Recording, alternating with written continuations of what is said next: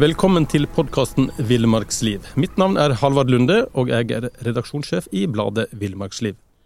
I dag skal vi snakke om eh, foto, naturfoto, fotografering generelt, og ikke minst eh, skal vi snakke en del om kamerautstyr.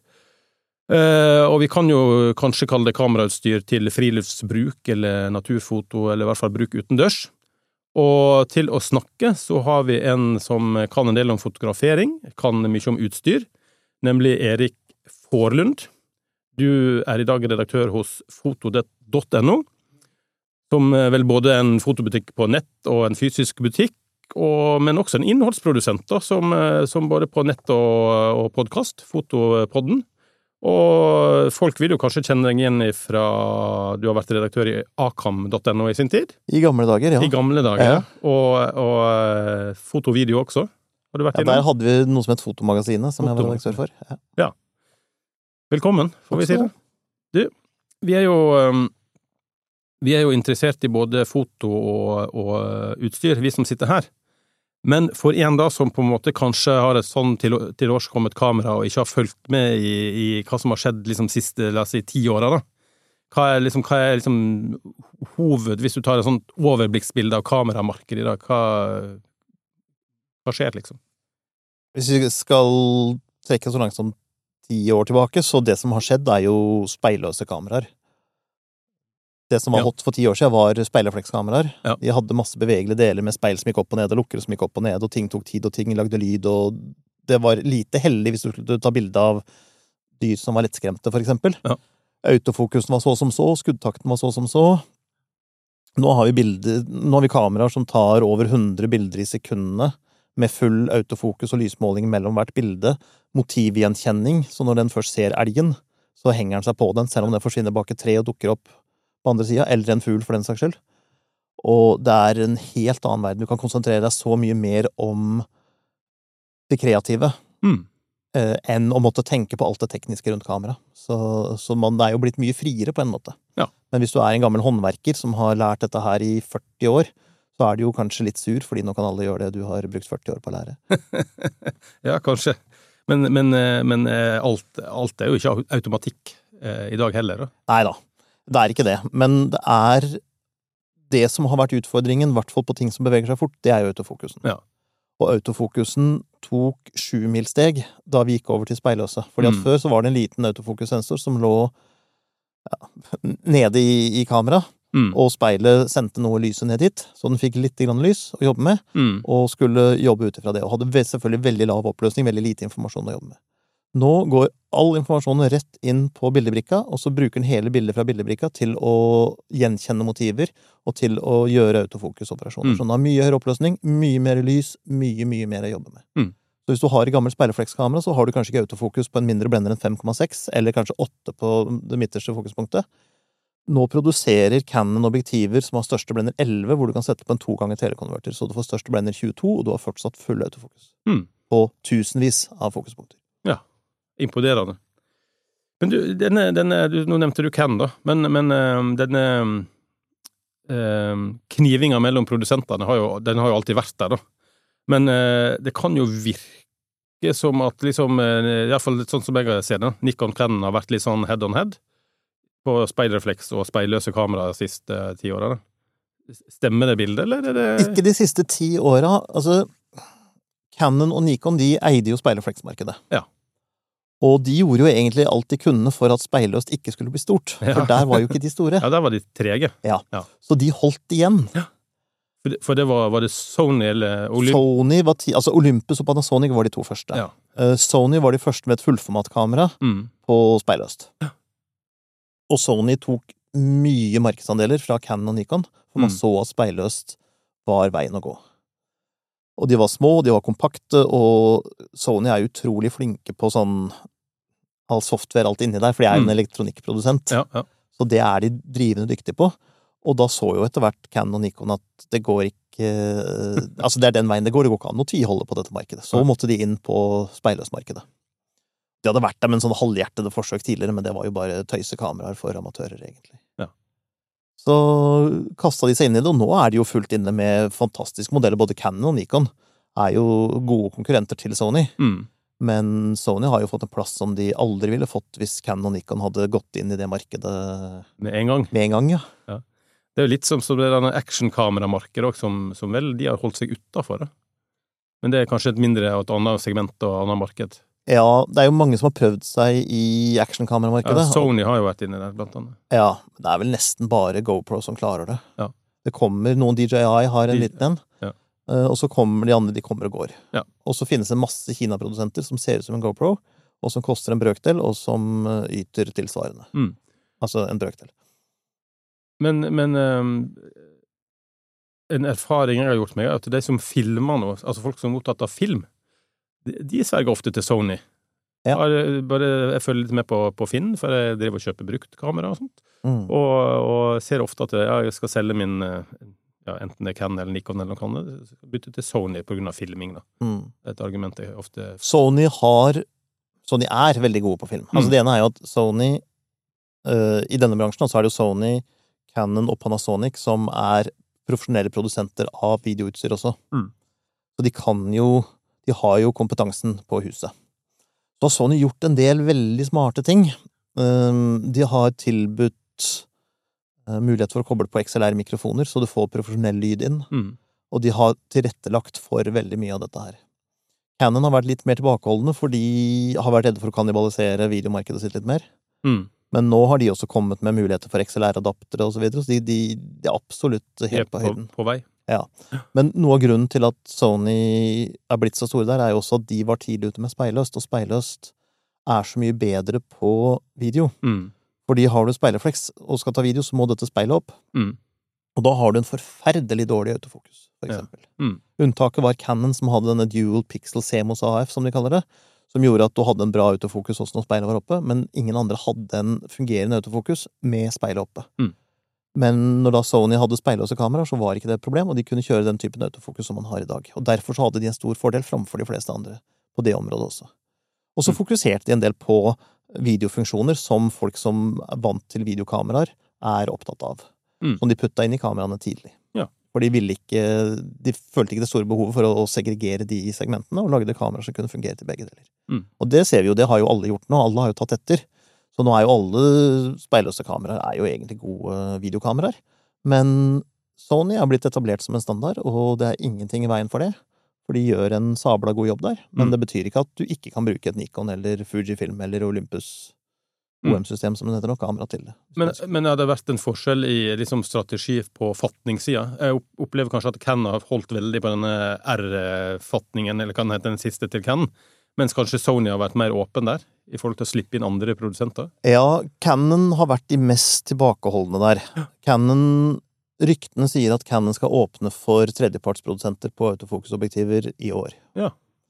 Men vi har ikke sett noen ennå. Vi har sett noen sånne fra tredjepartsprodusenter som er manuell, helt manuelle objektiver, bare. Eh, Sigma begynte å lage for Fujifilm og Nikon i fjor.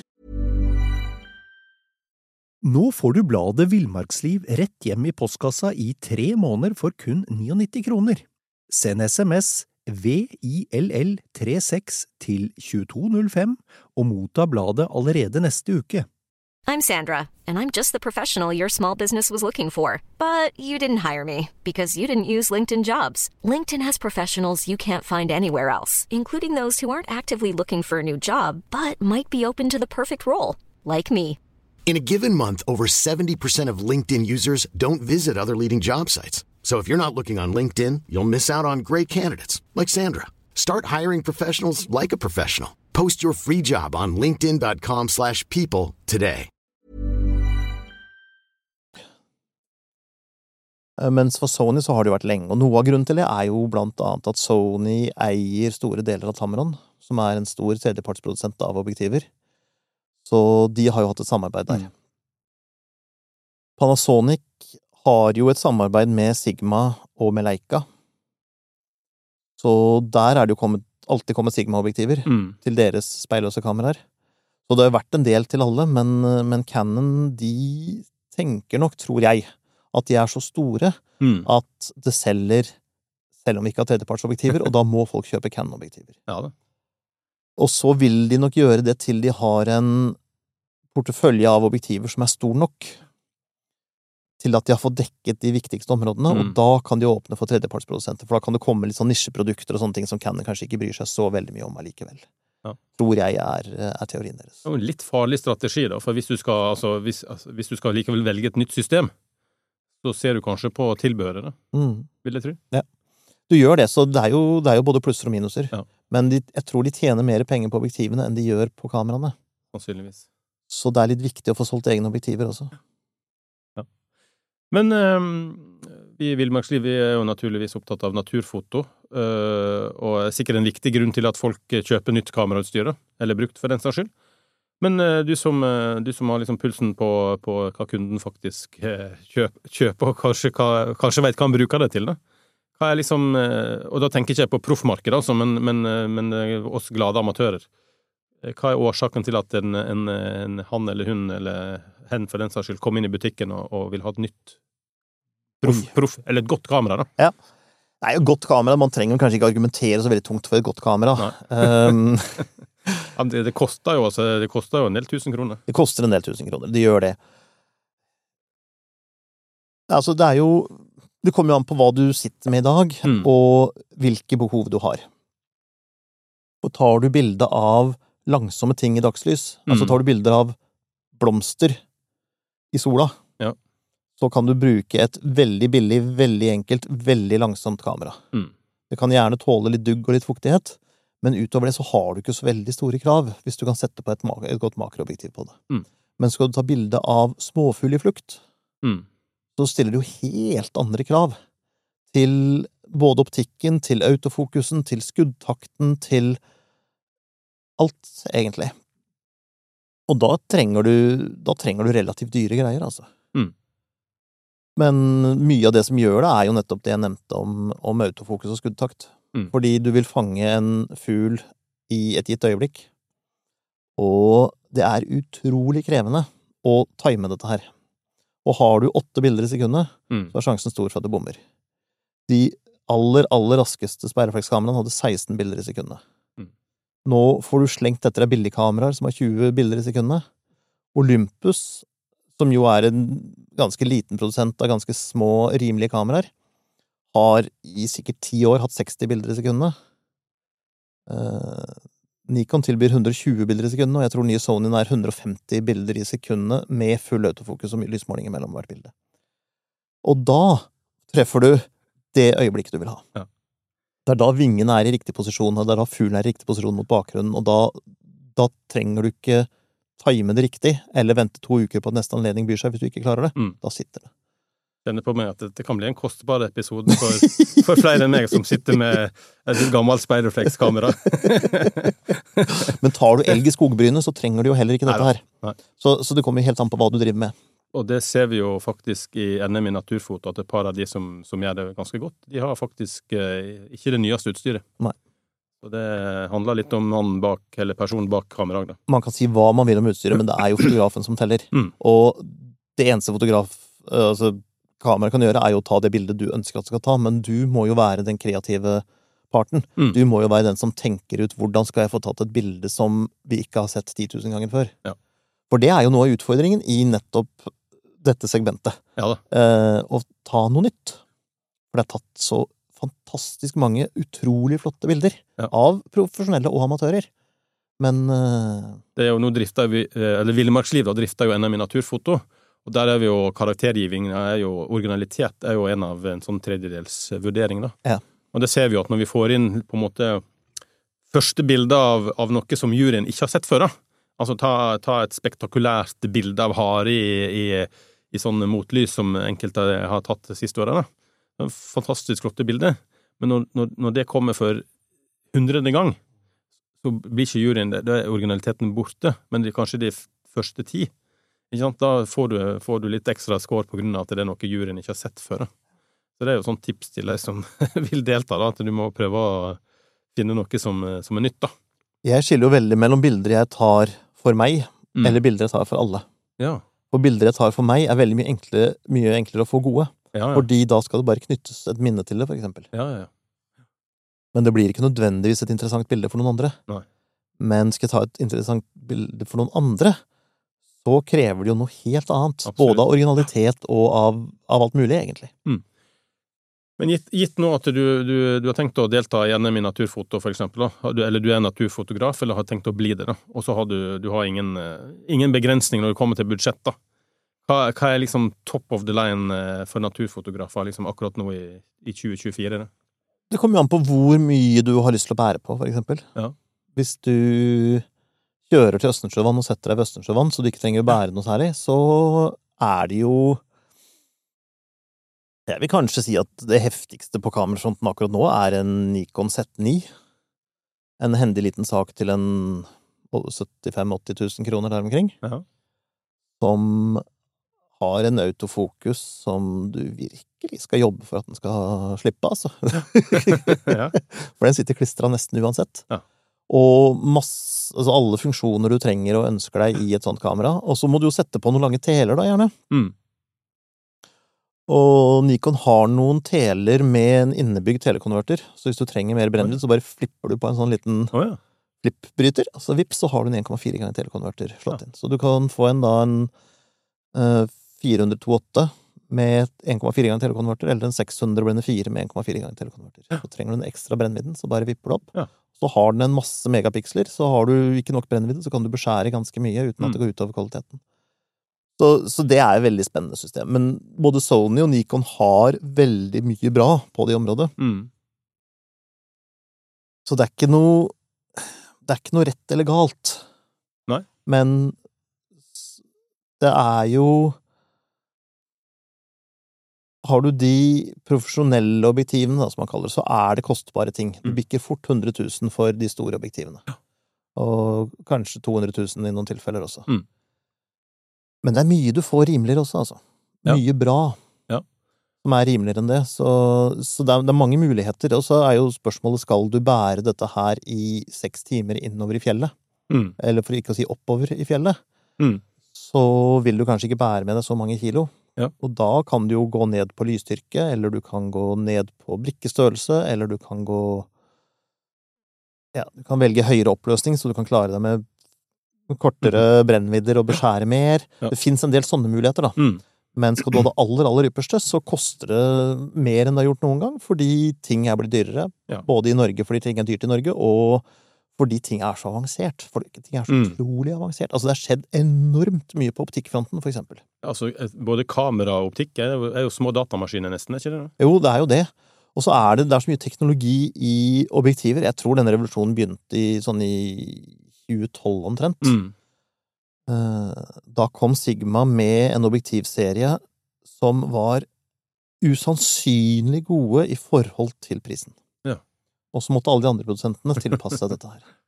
Og originalprodusentene klarte ikke å matche den prisen, og så da gikk prisen opp. Ja. Men kvaliteten gikk også opp. Mm. Og siden det så har det kvaliteten gått oppover, oppover, oppover, oppover.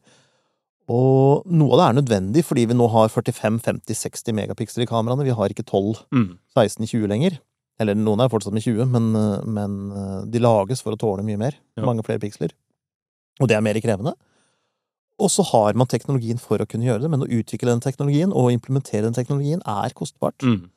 I tillegg så har det jo vært en nedgang i markedet, så det selges nå kanskje færre enheter, og da må de jo hente inn utviklinga på de færre enhetene, som gjør at også prisen går ytterligere.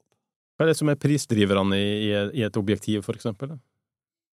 Det er mye kvalitet på glasset, Ja. og størrelsen på glasselementene. Så skal du ha stor blenderåpning, så du må ha store glasselementer, så blir det mye dyrere. Og det blir litt sånn eksponentielt dyrere, fordi skal du ha en blender mer, så må lyset slippe inn altså slipper inn dobbelt så mye lys. Det vil si at Mm. du har i praksis doble arealet, men det er da også dobbelt så stor sjanse for forurensninger eller feil på dette glasselementet, og er det feil på det, så må du antagelig bare kaste det. Ja, for det her er sånn presisjonssliping. Ja. Ekstrem presisjon. Men hvis vi går i andre enden, da, så, så er jo et kamera som er 10-15 år gammelt, det er jo fortsatt ganske bra. da. Jeg kjøpte jo en 5D til 6000 Mm. nå for litt siden på Finn. Og det er et kamera, det var liksom drømmekameraet mitt for 15 år siden, da. Og da kosta det vel 35 eller 25 eller et eller annet sånt. Da hadde jeg ikke råd til det. Nei. Eh, og, og samme kan du finne, altså, finne objektiv som kanskje kosta 150 000 da, for en del år siden. Det får du for 15 000-20 000 i dag på Finn. Og da tar du gode bilder, altså. Du gjør det. Og det har aldri vært om Altså, prisen på utstyret har aldri vært det viktigste. Det viktigste er, som sagt, deg. Men jobben din kan bli mye enklere Mm. med det dyrere utstyret. Ja. Jeg husker jeg så under OL på Lillehammer, så var det jo noen sånne kunstløpere som var veldig i vinden. Tonja Harding og en eller annen. Og så hadde en av dem en sånn runde på isen, og så sto det masse masse pressefotografer og fotograferte dette her. Og omtrent alle sammen sto bare fyrte av sånne bildeserier med disse svære sperreflekskameraene sine, og Mm. så sto det en kar ved siden av, en eldre pressefotograf, og bare sånn klikk, klikk, Mm. klikk av og til. Og han visste akkurat hva han dreiv med. Han visste akkurat når hun var der hvor fokusen var satt. Han visste akkurat Han kunne kunstløp så godt Mm. at han visste hva som ville skje, og kunne forutse alt dette her, og fikk fantastiske bilder av det. Men det krever enormt mye trening. Mm. Enormt mye tålmodighet, enormt mye øvelse, enormt mye feiling. Mm. Og det er det ikke alle som har tid til, eller lyst til, eller ork til i dag. Og da kan du kjøpe deg fri fra det, med høyere skuddtakt, raskere autofokus og alle disse tingene. Så det er jo mye av det man gjør, men man har alltid kunnet ta disse fantastiske bildene, men har forutsatt at du har vært villig til å ligge i fjellheimen i tre uker og fryse ræva av deg for å kanskje få det, eller måtte dra opp eh, neste helg eller neste måned og prøve igjen. Men til en som skal kjøpe brukt, da, finnes det noen sånne, sånne eh, huskelister kan, eller tommelfingerregelen? Skal en passe på noe spesielt, eller? Ja, du må jo passe på å ikke bli lurt. Ja, det er fort gjort. Ehm, jo eldre ting du kjøper, jo mindre tilpasset er det jo dagens digitale systemer. Mm. Så du vil ha en langsom autofokus som kanskje ikke klarer å holde tritt med takta på kamera. Uh, en del av de eldre, i hvert fall når du snakker om 100, 100 000 kroners objektiver du får for 15 000, Mm. så er det jo ofte de modellene uten bildestabilisator. Mm.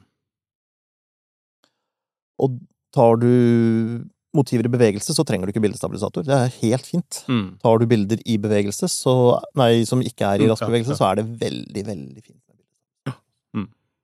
Litt sånne ting må du tenke på. Og har du et kamera med 40-50-60 megapiksler, så er det ikke sikkert at et ti år gammelt objektiv eh, klarer å gjengi den oppløsninga.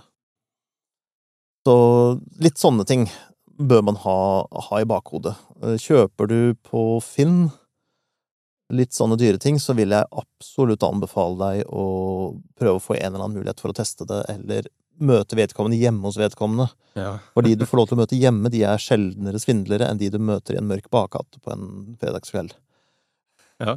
Eller så kan du, hvis jeg får lov til å drive litt reklame, gå til en seriøs fotoforhandler. Ja. For de har jo testa utstyret, Ja. og de gir garanti på det. ja, for dere selger jo brukt utstyr. Vi selger brukt utstyr, ja. Betyr det at dere også tar innbytte? Ja. ja ok. Vi tar innbytte for de som ikke orker å selge på Finn, og vi selger brukt for de som vil ha garanti, de som vil ha et sted å gå tilbake til hvis Mm. det skulle være noe, de som har eh, en bedrift og vil ha en momsspesifisert regning eh, eller kvittering Mm. på det, osv. Så, Ja. så så kan det være lurt å, å kjøpe hos oss. Men hvis du har kjøpt på Finn og, og henta deg en mørke bakgate, da, da kan du likevel komme til dere og få tatt en service, for eksempel? Da. Altså en sjekk på kameraet? Ja da, det kan du alltid. Ja, ja. Men, eh, men da, hvis, hvis du da har kjøpt et ti år gammelt objektiv, så er det ikke sikkert uh, produsenten støtter det lenger. Nei. Da sier de nei, beklager, det får vi ikke reservedeler til. Riktig. Det kan være derfor vedkommende solgte så billig. Ja. det kan det være. Men det kan jo være en fin inngangsbillett da, til, til fotoverdenen. da, Noe av det fine med, med å kjøpe brukt, bortsett fra at du, det er miljøvennlig osv., er jo at hvis du er litt usikker på hva du vil ha, Mm. så kan du kjøpe det brukt. Ja. Og er det feil, så kan du selge det igjen for omtrent det du ga for det. Ja. Og så har det egentlig ikke kosta deg noe særlig. Godt tips. Men apropos pris og sånt, da, så jeg, vel, eh, jeg var inne og sjekka på Det var um, vel Ken R, da. Og fra R10 til R3 så skiller det vel, vel 50 000-60 000 kroner, eller noe sånt? 70, ja. 60, 70, ja, ja. ja, 60, 60 kanskje òg? 70? Ja. Men hva, hva får du for de pengene, på en måte? da? Altså fra en R10 til en R3, da. Hva er det for å ta topp og bunn i, en samme, samme serie, liksom? ja. Det finnes en R100 også som er enda billigere. Ja, okay. Men, eh, ja. er- Nei, det er Du får eh, For naturfotografer så får du jo værtetting. Ja. Du får skuddtakt. Du får autofokus. Du får sånne ting som bedre ergonomi, bedre byggekvalitet generelt. Eh, du får en del ekstra funksjoner. Altså R3 har jo eh, øyestyrt fokus. Du kan se på motivet, oh, ja. og så fokusere der hvor du ser. Dette er en teknologi som Canon kom med i 1992. Så kom de med en ny modell i 1997 eller noe sånt, eller 98. Um, og det fungerte ikke noe særlig på noen av dem. Og så tok det 25 år, og så kom de med det på nytt. Ja. Og nå fungerer det relativt bra. Og hvis du driver med sport, si du tar ishockey, da, Mm. og det er flere spillere, hvordan skifter du fort nok mellom å fokusere på den spilleren eller den spilleren? Når pucken forsvinner, for den autofokusen klarer sjelden å følge pucken. ja. Ingen som ser pucken. Nei, og da kan du bare kikke på den, øh, den oh, ja, på spilleren. spilleren som du da vil ha fokus på, så skifter den fokus. Ja, det er amazing, altså. Det er ganske, det er ganske imponerende. Eller samme hvis det er et bilrace, eller det er en dyreflokk. Ja. Hvis du er i Serengeti, og du ser på løver som jakter, og du vil skifte fra den ene løven til den andre løven, så er det ikke så lett for kameraet å vite det. Og så kan du selvfølgelig drive med, med joystick og flytte rundt omkring. Mm. Det er veldig mye lettere å bare kikke på den andre løven. Altså. Ingenting som slår fart, farten til blikket, da. Nei. Men apropos, du nevnte værtetting, da. Hvordan, eh, hvordan er nye kamera der? Altså, vi sa det var små datamaskiner, men eh, tåler, elektronikk tåler ikke godt vann. De gjør ikke det. Det er veldig forskjellig. Generelt så er det sånn at jo dyrere kameramodell du kjøper, jo bedre tåler de vann. Alle sier at kameraene våre er værtetta. Det sier de nesten om alle modellene, og det er den største markedsfjaset noensinne i denne bransjen, omtrent. Det er sikkert en sånn, en sånn stjerne og så en lang tekst med hva den kan ikke dekke. det. Hadde de nå ennå hatt det, men de oh, ja. har jo ikke det engang. De bare Nei. sier at det er værtetta. Oh, ja. Og det verste eksempelet, jeg tror ikke jeg skal nevne merket, men det var en av de større produsentene som hadde en modell som de sa var værtetta. Mm. Og når det kom inn eh, kameraer av den, eh, den modellen som hadde fått vannskader, så sa de dette må du dekke sjøl, det dekkes ikke av garantien, fordi du må ha brukt det feil siden dette er værtetta. Ja. Og så viser det etter et par år at det var, alle, modell, eh, alle eksemplarene var bygd uten en pakning der hvor kameraremmen var festa. Så oh, ja. rant vann nedover kameraremmen og så inn i kamera. Ja. Um, så så værtetta var det. Men de kunne i hvert fall reklamere med det. Og sånn gjør de nesten alle sammen. Det er én produsent, og den kan jeg godt nevne, for det er litt mer positivt, som har latt oss virkelig teste dette her, og det er øh, de som nå heter OM-system, tidligere Olympus. De lot oss dyppe kameraet i saltvann og holde det under springen mens vi tok bilder med blits, og Oi. fryse ned i fryseren og alt dette her. Alt det fikk vi lov til, og det funka hver gang. Ja.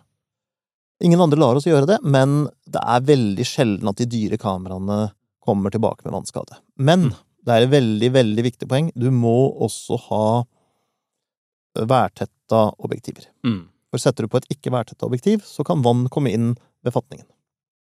Og da hjelper det ikke at resten er vanntett. Eller ikke vanntett, værtett. Værtetta. Ja. Men fins det, finnes det tilbehør som Altså for en naturfotograf, for eksempel, eller en som er mye ute i friluftslivet, eh, Casing eller noe sånt som ikke veier altfor mye? Det finnes jo mye regntrekk. Ja, ok. Så vi har jo regntøy Ja. til Det er ikke spesifikt for modell, det går litt mer på størrelse. Aha. Stort eller lite kamera, lang eller kjempelang eller kort objektiv. Så, så det er det letteste eh, å bruke da, for da har du fleksibiliteten fortsatt. Ja. Og så stikker du hendene inn under, Ja. og så har du hendene inni der sånn med det. Og funka det i praksis, eller? Det fungerer bra i Ja. praksis. Ja. Sånn som nå når det har vært um, minus alt var det, 38-39 enkelte plasser. Til og med i Oslo var det vel over 30 grader. Vi hadde kaldere enn 30 i Oslo, til og med. Bjørn Holt er jo inne i Nordmarka, kald plass. Da. Mm. da jeg så du var på internett her og kom med en del sånn tips til bruk av kamera når det er så kaldt. Da. Ja. Det er jo en greie. Da. Ja. Uh, det finnes kameraer som er garantert ned til ti kuldegrader. Ja. Ingen kameraer er garantert kaldere enn det. Nei. Og så drar man til Antarktis og fyrer av og er der i en uke og aldri noe problem med kamera. Mm. For det er veldig, veldig sjelden noen får problemer med det. Men det er så vanskelig å teste for, og det er så vanskelig å garantere for. Derfor er det ingen som gjør det. Ja. Men vi har egentlig ikke hørt om kameraer som har store problemer i kulda. Hvis de får problemer, så kan det være uh, skjermen eller søkeren når du har elektronisk søker, blir litt langsom. Mm. Og ting kan i teorien skje, i hvert fall hvis det kommer noe ising eller noe sånne ting. Men dette er ting som går over når det blir varmt igjen, så du ødelegger ikke kameraet ditt av det. Men i noen tilfeller så kan det slutte å fungere. Og så er det jo ting du bør og ikke bør gjøre når det er veldig kaldt. Som for eksempel. Hold deg varm. Ja. Det er ting du bør gjøre. Eh, nei, du bør for enhver pris unngå fukt på og i kamera. Ja. Så snør det, så dekk gjerne til kamera. Holder du det opp til ansiktet, prøv å puste en annen vei. Mm.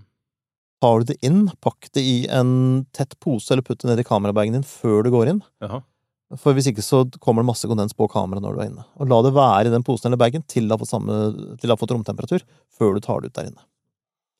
Litt sånne ting, Mm. for da bevarer du utstyret. Og hvis det snør, selvfølgelig, ha på en solblender eller et filter som er med sånn fluorittbelegg, som avstøter vann og støv. Mm. For da slipper du at det legger seg i snøfnugg eller vann, for det smelter jo fort, for kameraet kan være litt varmere, og så, og så legger det seg vann på, på frontelementet, og det, Mm. det blir ikke pent på bildene. Altså. Og motsatt, hvis det er varmt. Hvis du drar til ja, Det kan jo være varmt i Norge, men hvis du drar til Syden eller Sahara og Jeg var i Kuwait i høst. Ja. Da hadde den verste sommerheten gitt seg, så det var ikke noe særlig over 45 grader i skyggen. Eh, Så som god nordmann så går jeg jo meg jo en tur i sola. Ja. Og når jeg skrudde på kameraet, da, så sa det en fare for overoppheting. Ja. Med en gang jeg skrudde på. Jeg hadde ikke tatt et eneste bilde engang. Eh, Hold det ut av sola. Ja. Prøv å holde det kjølig hvis det finnes noen måte å holde det kjølig på. Så nede i en kamerabag er det normalt mye jevnere temperatur enn utafor, så hold, ha den i en kamerabag, egentlig, hvis det er veldig varmt. Og ellers så er det litt uh, som i kulda, beskytt deg sjøl. For du blir fort stekt, og er du opptatt av å ta et bilde, så glemmer du sola og varmen og alt mulig, og før du vet ordet av det, så er du litt sånn hummer eller en crispy chicken. Ja. Men eh, en ting eh, som sikkert du kanskje ikke liker å snakke om, da, det er jo, er jo Var det fotball? Var det ikke det vi ble enige om ikke å snakke om? Fotball skulle vi ikke, ne ikke nevne i dag. Eh, vi må snakke litt om mobiltelefonen. Ja. Og altså, den tok jo livet elegant av kompaktkamera, vil jeg jo påstå. Mm. Eh, det finnes jo kompaktkamera i dag òg, men kanskje en litt annen eh, målgruppe enn enn, eh, i gamle dager. Da. Det var ikke så veldig elegant den tok livet av, det var ganske stygt. Altså. Ja, det var Folk begynte stygt. å gå over til å ta bilder med mobiltelefon lenge før de burde, og de kameraene i telefonen telefonene den gangen var så dårlige at det er jo tragisk, de som har tatt bilde av ungene sine da de vokste opp Ja, da. med mobilkamera. Sånn en megapiksel mobilkamera. Ja, ikke sant? Å, jeg gremmes fortsatt bare av å tenke på det. Ja. Men ja, de tok livet av dem i hvert fall, ja. Det gjorde de. Og det tok vel livet av eh, papirbildet, sånn den måten vi fremkalte i gamle dager, da, med 24 bilder på film og ja. Mm. Eh, så et spørsmål, da. Eh, for mobilen er jo faktisk det kameraet vi bruker mest, sannsynligvis. I hvert fall eh, de aller fleste av oss. Og så um, Kanskje et todelt spørsmål her, da. Eh, kommer vi dit at mobilkamera blir så godt at vi på en måte er det store, dyre kameraet det, Vi trenger ikke å tenke på det. Nå får du bladet Villmarksliv rett hjem i postkassa i tre måneder for kun 99 kroner. Send SMS VILL36 til 2205 og motta bladet allerede neste uke. Hiring for your small business? If you're not looking for professionals on LinkedIn, you're looking in the wrong place. That's like looking for your car keys in a fish tank. LinkedIn helps you hire professionals you can't find anywhere else, even those who aren't actively searching for a new job but might be open to the perfect role. In a given month, over 70% of LinkedIn users don't even visit other leading job sites. So start looking in the right place. With LinkedIn, you can hire professionals like a professional. Post your free job on linkedin.com/people slash people today.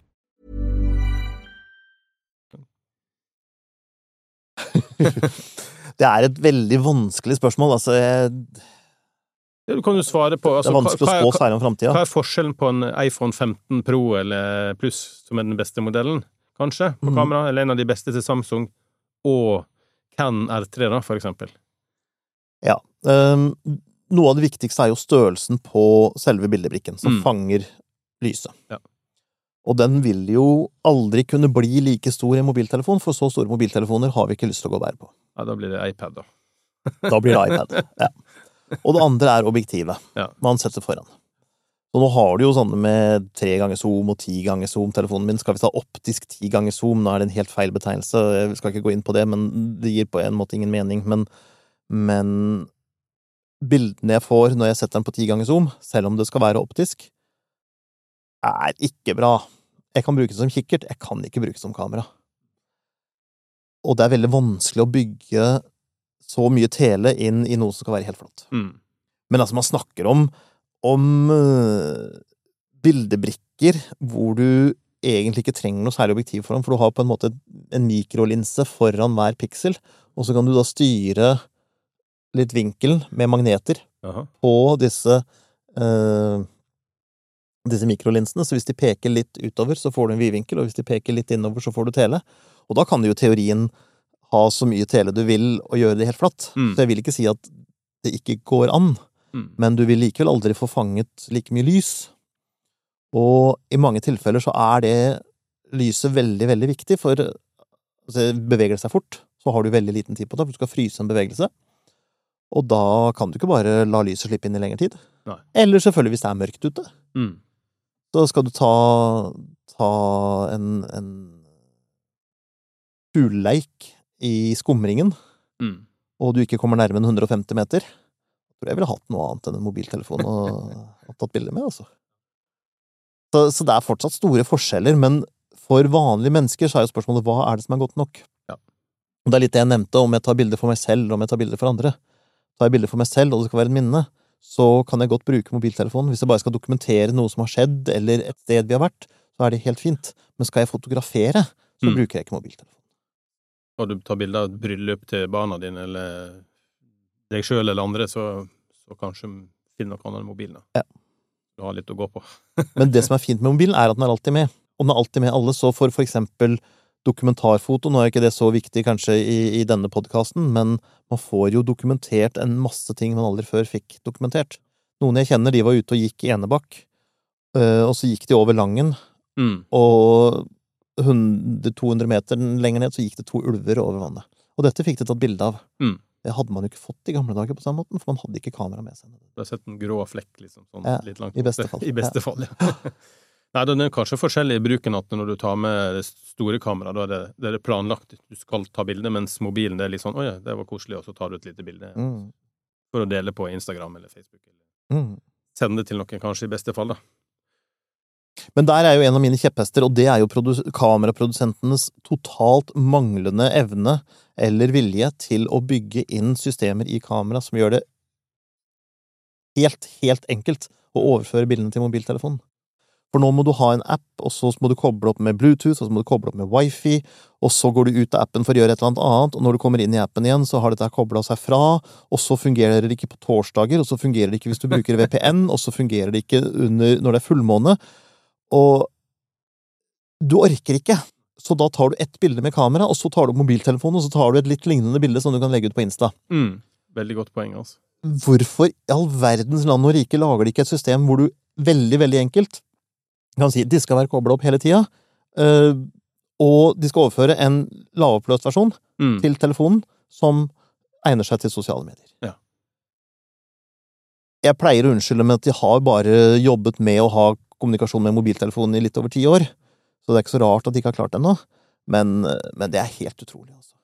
Men eh, det minner meg på en pressekonferanse jeg var på, for jeg har jo en fortid som eh, sånn teknologijournalist. Ja, vi ble jo kjent med hverandre, vi, Ja. på Cannon-pressekonferanser i 2005-2006-2007, der omkring. Ja. da husker jeg til og med det var Cannon jeg spurte akkurat det spørsmålet, hvorfor de var så himla dårlige på software.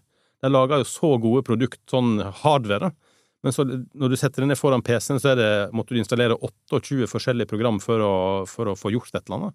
Sant? Som i tillegg var håpløst å forstå, og som krasja annenhver gang. Mm. Og åpenbart litt, litt vei å gå der eh, fortsatt, da. Ja, det er det. Og, og selv Sony, for eksempel, som jo er uh, virkelig gode på, på software, egentlig. Det var først i fjor de klarte å få en app som fungerte sånn noenlunde. Litt, litt merkelig, da. Ja. Men apropos software, er det liksom eh, Adobe Photoshop som er Og Lightroom som er liksom Ja, det folk går til? Lightroom har jo blitt en standard for sånn arbeidsflyt. Ja. Du importerer dem, du gjør en del endringer, og du arkiverer dem der, og kan da hente dem fram igjen når du trenger det.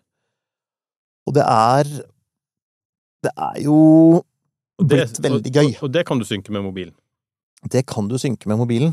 Eh, Da har du bildene, eller i hvert fall miniatyrer av bildene i en sky, og så kan du jobbe med de miniatyrene. Og så lagres informasjon om hvilke endringer som er gjort, og når du da har en maskin tilgjengelig, så gjør den de endringene.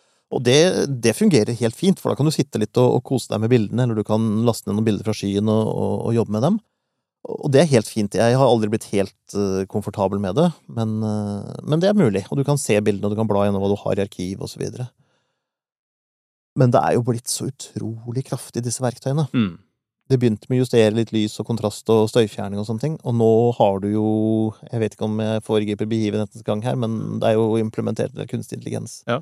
I disse programmene nå. Vi skal snakke om det, så vi Ja. kan godt bare fortsette, fortsette med det, altså. Nå kan du Ja, for dere som har fotografert litt, så vet dere jo at øh, den, en av de store fiendene, det er jo støy i bildene.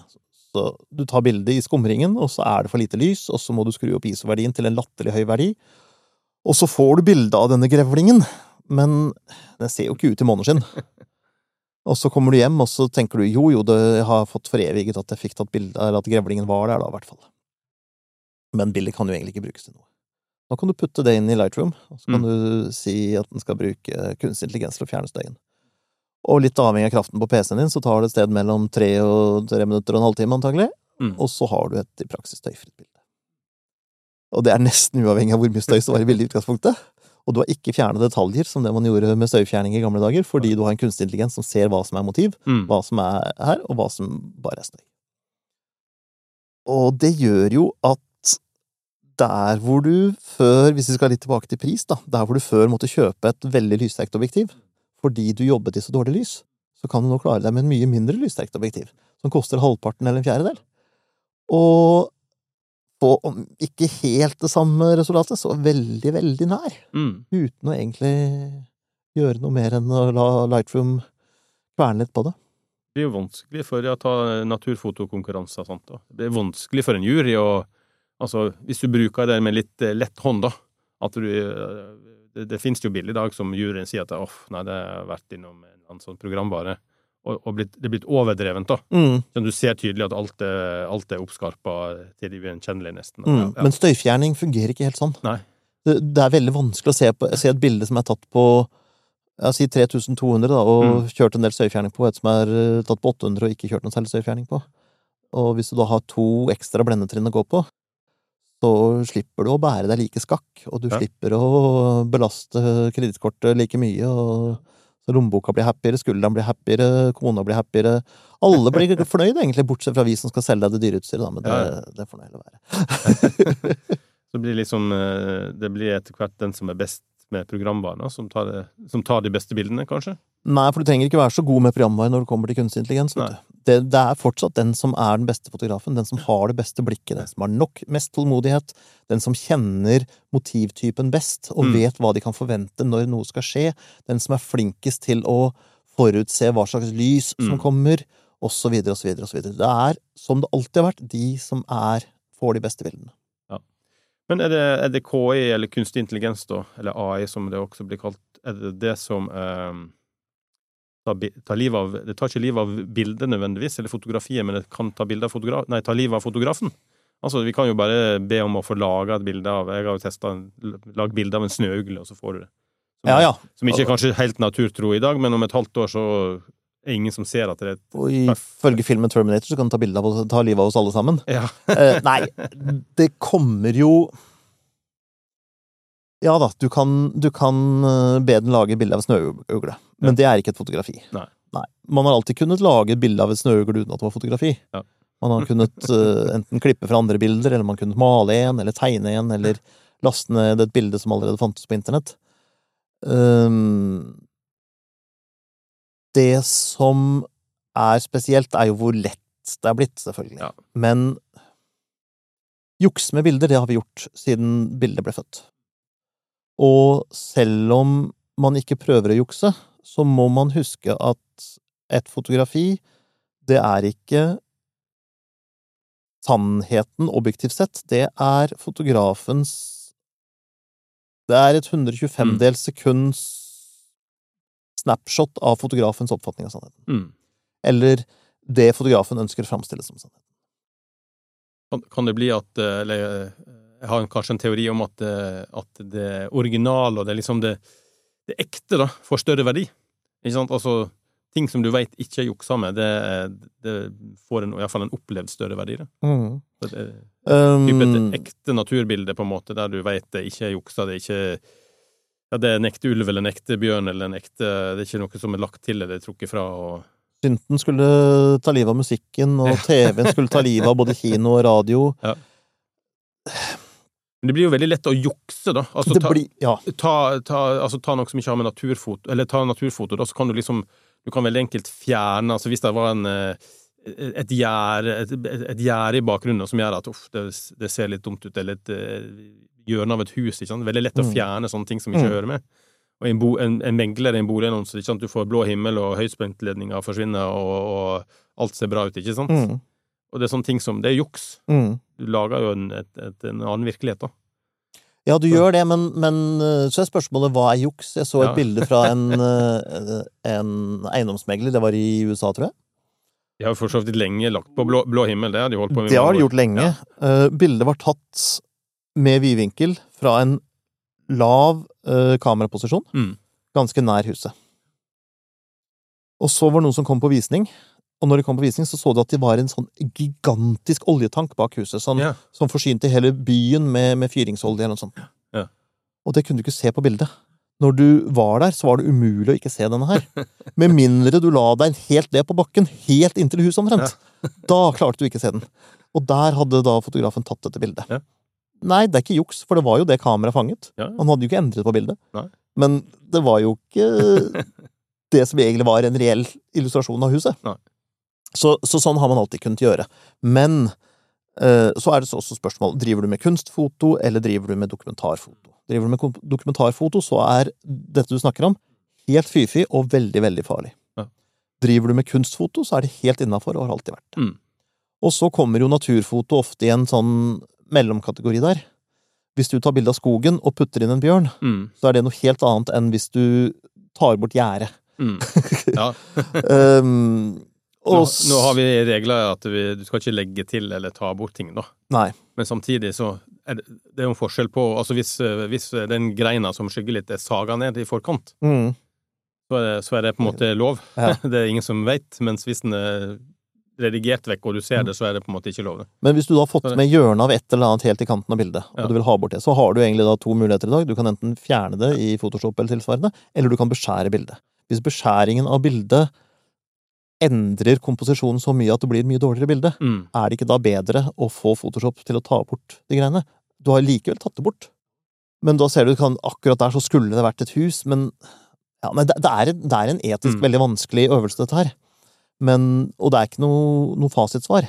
Men det kommer noe veldig interessant der. Leica har implementert det i sin siste M-modell, og nå vet jeg at Nikon jobber med det, og Sony jobber med det, jeg tror Canon jobber med det. Mm. En måte å spore endringer i bildet. Oh, ja. Så uh, Leica bruker noe som heter Content Credentials, som har eksistert en stund på andre områder, hvor du da Jeg har ikke helt alle detaljene, men uh, du Det registreres da når det gjøres endringer i bildet, og litt hvilke endringer som gjøres. Mm. Og så ligger nok dette i Exif-data, så du kan alltid slette det. Men da ser man at det er borte. At det er gjort et eller annet. Ja. Ja. Men så lenge det ligger der, så er det kryptert, sånn at du kan ikke endre innholdet i det. Eh, Men du kan lese det ut, da. Og da kan du se om det er gjort endringer, og hvilke endringer som er gjort. Og da ser man fort om sånne ting er Mm. innafor regler eller, eller ikke. Ja, riktig. Ja. Så for en redaksjon så er det jo veldig viktig, og for troverdigheten til et dokumentarfoto er det Mm. veldig, veldig viktig. Så det blir nok kanskje framtida for, for sånne ting, for å, å hindre at uh, jeg sier lager bilde av en snøugle som rir på ryggen av en bjørn. Men eh, du, i, mm, i, i gamle dager, hvis den ville Eller i dag, hvis den vil leve av å være fotograf så I gamle dager så kunne en jo på en måte starte fotobutikk og leve godt av det. En kunne åpne et fotostudio og ta bilder av folk der og leve av det. Eller en kunne bli, få seg en jobb i en eh, lokalavis eller et magasin og, og få en akseptabel levevei. Men altså, vi her i Egmont vi har jo ingen fast ansatte fotografer lenger, og de færreste aviser har jo det. Eh, Kanskje noen av de store avisene har en fotograf eller to, men, men that's it. Hva skal du leve av hvis du Eller skal du, hvor skal du skaffe penger hen hvis du vil bli fotograf? Nei, Du er jo utrolig privilegert hvis du får fast jobb som fotograf. Ja. Nesten alle fotografer i dag er jo frilansere. Eh, Hvis jeg skal reklamere litt for oss selv, eh, Fotopodden, så hadde vi rett før jul en episode med Roger Brennhagen, Mm. hvor vi snakket om nettopp hvordan man lever av å, som fotograf. Han er jo en kjent naturfotograf, men vi snakket ikke så mye om egentlig naturfoto. Mm. Men det dreide seg om hva man kunne gjøre for å, å få til salt i maten. Og han forteller at du må jo Du må etablere nesten, det hjelper å få skaffe seg et navn. Mm. Men hvordan gjør man det? Jo, man jobber og jobber og jobber, og man henger på redaksjoner og på steder som eventuelt kjøper sånne storyer. Mm. Man lager storyen, man skriver ofte en del til det, sånn at et magasin, sånn som dere for eksempel, Ja. sikkert bare kan ta det inn ferdig og si at der fikk vi dekket de sidene. Ja. For det er det ofte litt betalingsvillighet for. Ja da, det er sånn det fungerer. Så. Ja. Og, men så må man gjerne gjøre en del ting utenom, og det kan være da workshops, for eksempel. Dra på en fototur. Ta med noen Mm. til et eksotisk sted. Roger Brennhagen har jo turer til Mongolia og til India og til Dovrefjell og de rareste steder. Så sånne ting gjør man da, i hvert fall som naturfotograf. Og er du annen type fotograf, så blir det jo ofte portretter eller suppeposer eller sånne ting, selvfølgelig. Ja, Men på, på bedriftsmarkedet så er det jo en del altså Folk har jo behov for type sånn kortvideo, reels og, og bilder til sosiale medier og sånt. Skal du være liksom henge med der, da, så trenger du jo innhold. Mm. Og det er jo et marked for en del fotografer, kanskje. Ja, og der har vi en egen episode om det, hvordan man lever av å lage videoer. Ja. Så det, så det er mulig, faktisk. Det, det er mulig, og det er Ja. kanskje enda muligere, for der er det, der er det flere bedrifter som skal ha innhold nå, Mm. da. Så det er lettere hvis du kan gjøre en del video også. Mm. Og, men på foto så er det jo Skal man være litt forsiktig disse dager, for der kommer det mye KI, altså. Og jeg hørte med en fotograf som tilbød bedrifter å dra ut til dem og ta, kanskje være der en dag eller kanskje to, ta bilde av alle menneskene, Mm. alle steder.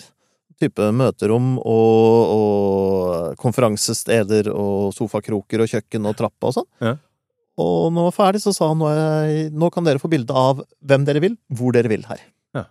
Og ansetter de noen nye, så kan du bare komme tilbake og ta et bilde av den nyansatte, og kan putte inn dette bildet, gruppebildet på trappa, og ta Ja. bort de som er sagt opp. Og på den måten så kan de alltid ha aktuelle bilder, og veldig, veldig mye lettere jobb framover. Mm. Og trenger de en sånn sosial greie, ja, nå satt vi fire stykker her og koste oss i sofakroken, ja, så lager han et bilde av fire stykker som sitter og koser seg i sofakroken. Uh, og det er kanskje framtida der. Og det gjør nok at det blir behov for færre fotografer som tar bedriftsportretter. Mm. Men for de som tenker nytt, de Mm. som klarer å tilpasse seg, så, så er det absolutt en framtid der. Er. Mm. Men man kan ikke gå i den gamle tralten og tenke at det har alltid vært en grei inntektskilde for fotografer. Nei. For den forsvinner, den også. Jeg hadde jo et eksempel her. Han, eh, Hans Petter Info, eller Hans Petter Hansen heter han vel, men han har en nettside som heter Hans Petter Info. Han eh, skrev jo en story om, eh, om eh, der KI hadde laga en reklamefilm for et høyfjellshotell. Da dronen filma, det var en app som bestemte nøyaktig hvordan den skulle filme i forskjellige mønster, og så var det en AI-stemme som leste opp en AI-skreven tekst og redigert med et AI-videoredigeringssystem, og så var det vel finpussa litt med et, med et vanlig videoredigeringssystem på toppen, da.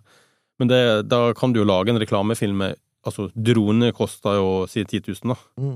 Og, og alt det andre har du kanskje fra før. Ja. Kanskje du må ha et kamera og ta noen bilder av selve hotellet, da, men det, Kanskje må du ha et abonnement på ChatGPT, Ja, men, men det er ikke, Men- det men er ikke store for- relativt lav sum, da, så lager du en reklamefilm som kanskje fungerer for for, for eh, formålet, da. Mm. Til sosiale medier eller et eller annet sånt. Det er jo Før var jo det som bedrift kunne fakturere hundretusenvis av kroner for noe sånt. da.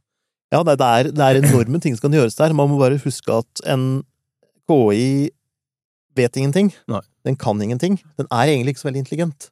Det den har, er et enormt datasett å ta utgangspunkt i. Mm. Og ut ifra det så kan den gjøre veldig mye og finne ut veldig mye. Men den kreative prosessen, og når det kommer til foto og til video, så er jo den kreative prosessen det viktige. Mm. Og tar du bort den kreative prosessen, så blir jo egentlig alt kitsch. Det er ikke noe kunst lenger, det er kun kitsch. Og det kan være pent, eller det kan være underholdende, Mm. men det er ikke nyskapende, annerledes, originalt eller noe sånt noe. Nei, det er litt sånn, sånn KI-tekst òg er litt eh, kjedelig, kan jeg si det? Ja, det kan du gjerne Litt sånn platte, Mm. så ja. Og jeg ser jo for meg for eksempel innen musikk, Ja.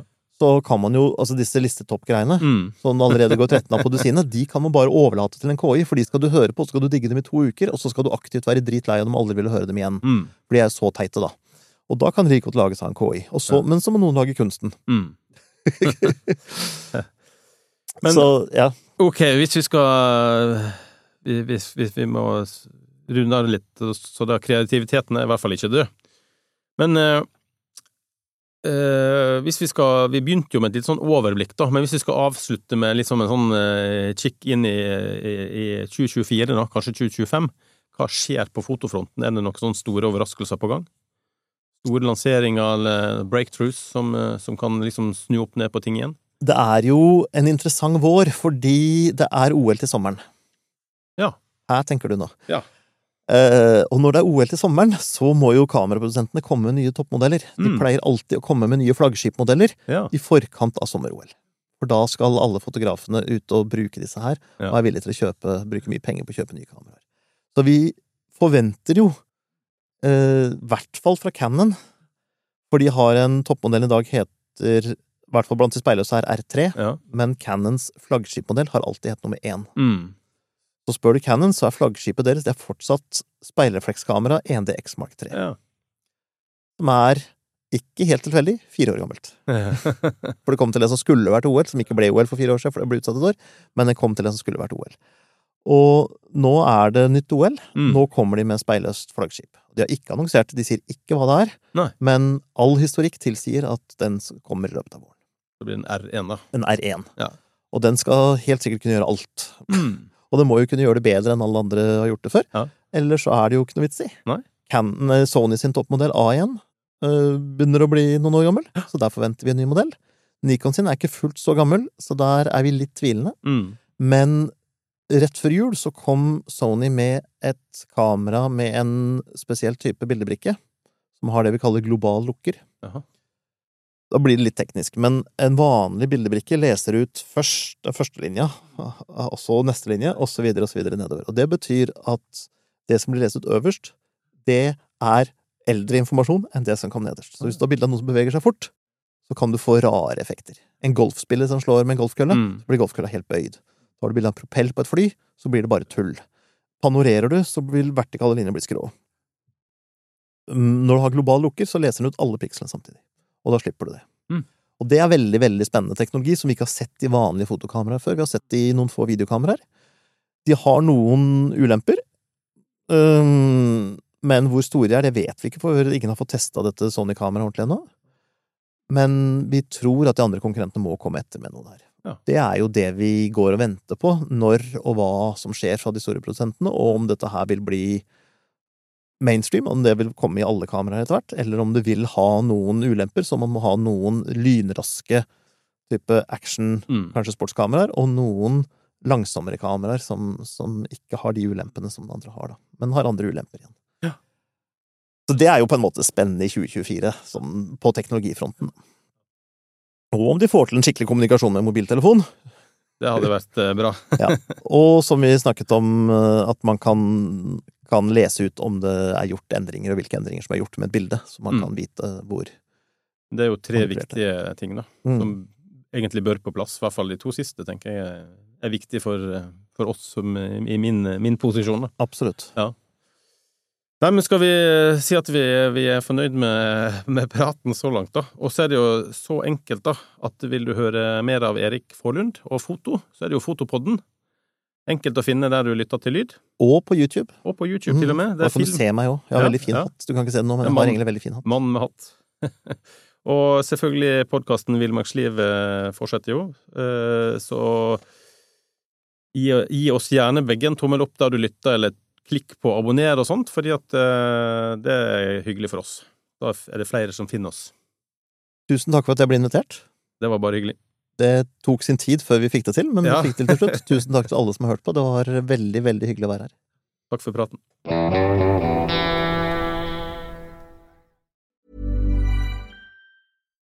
Nå får du bladet Villmarksliv rett hjem i postkassa i tre måneder for kun 99 kroner.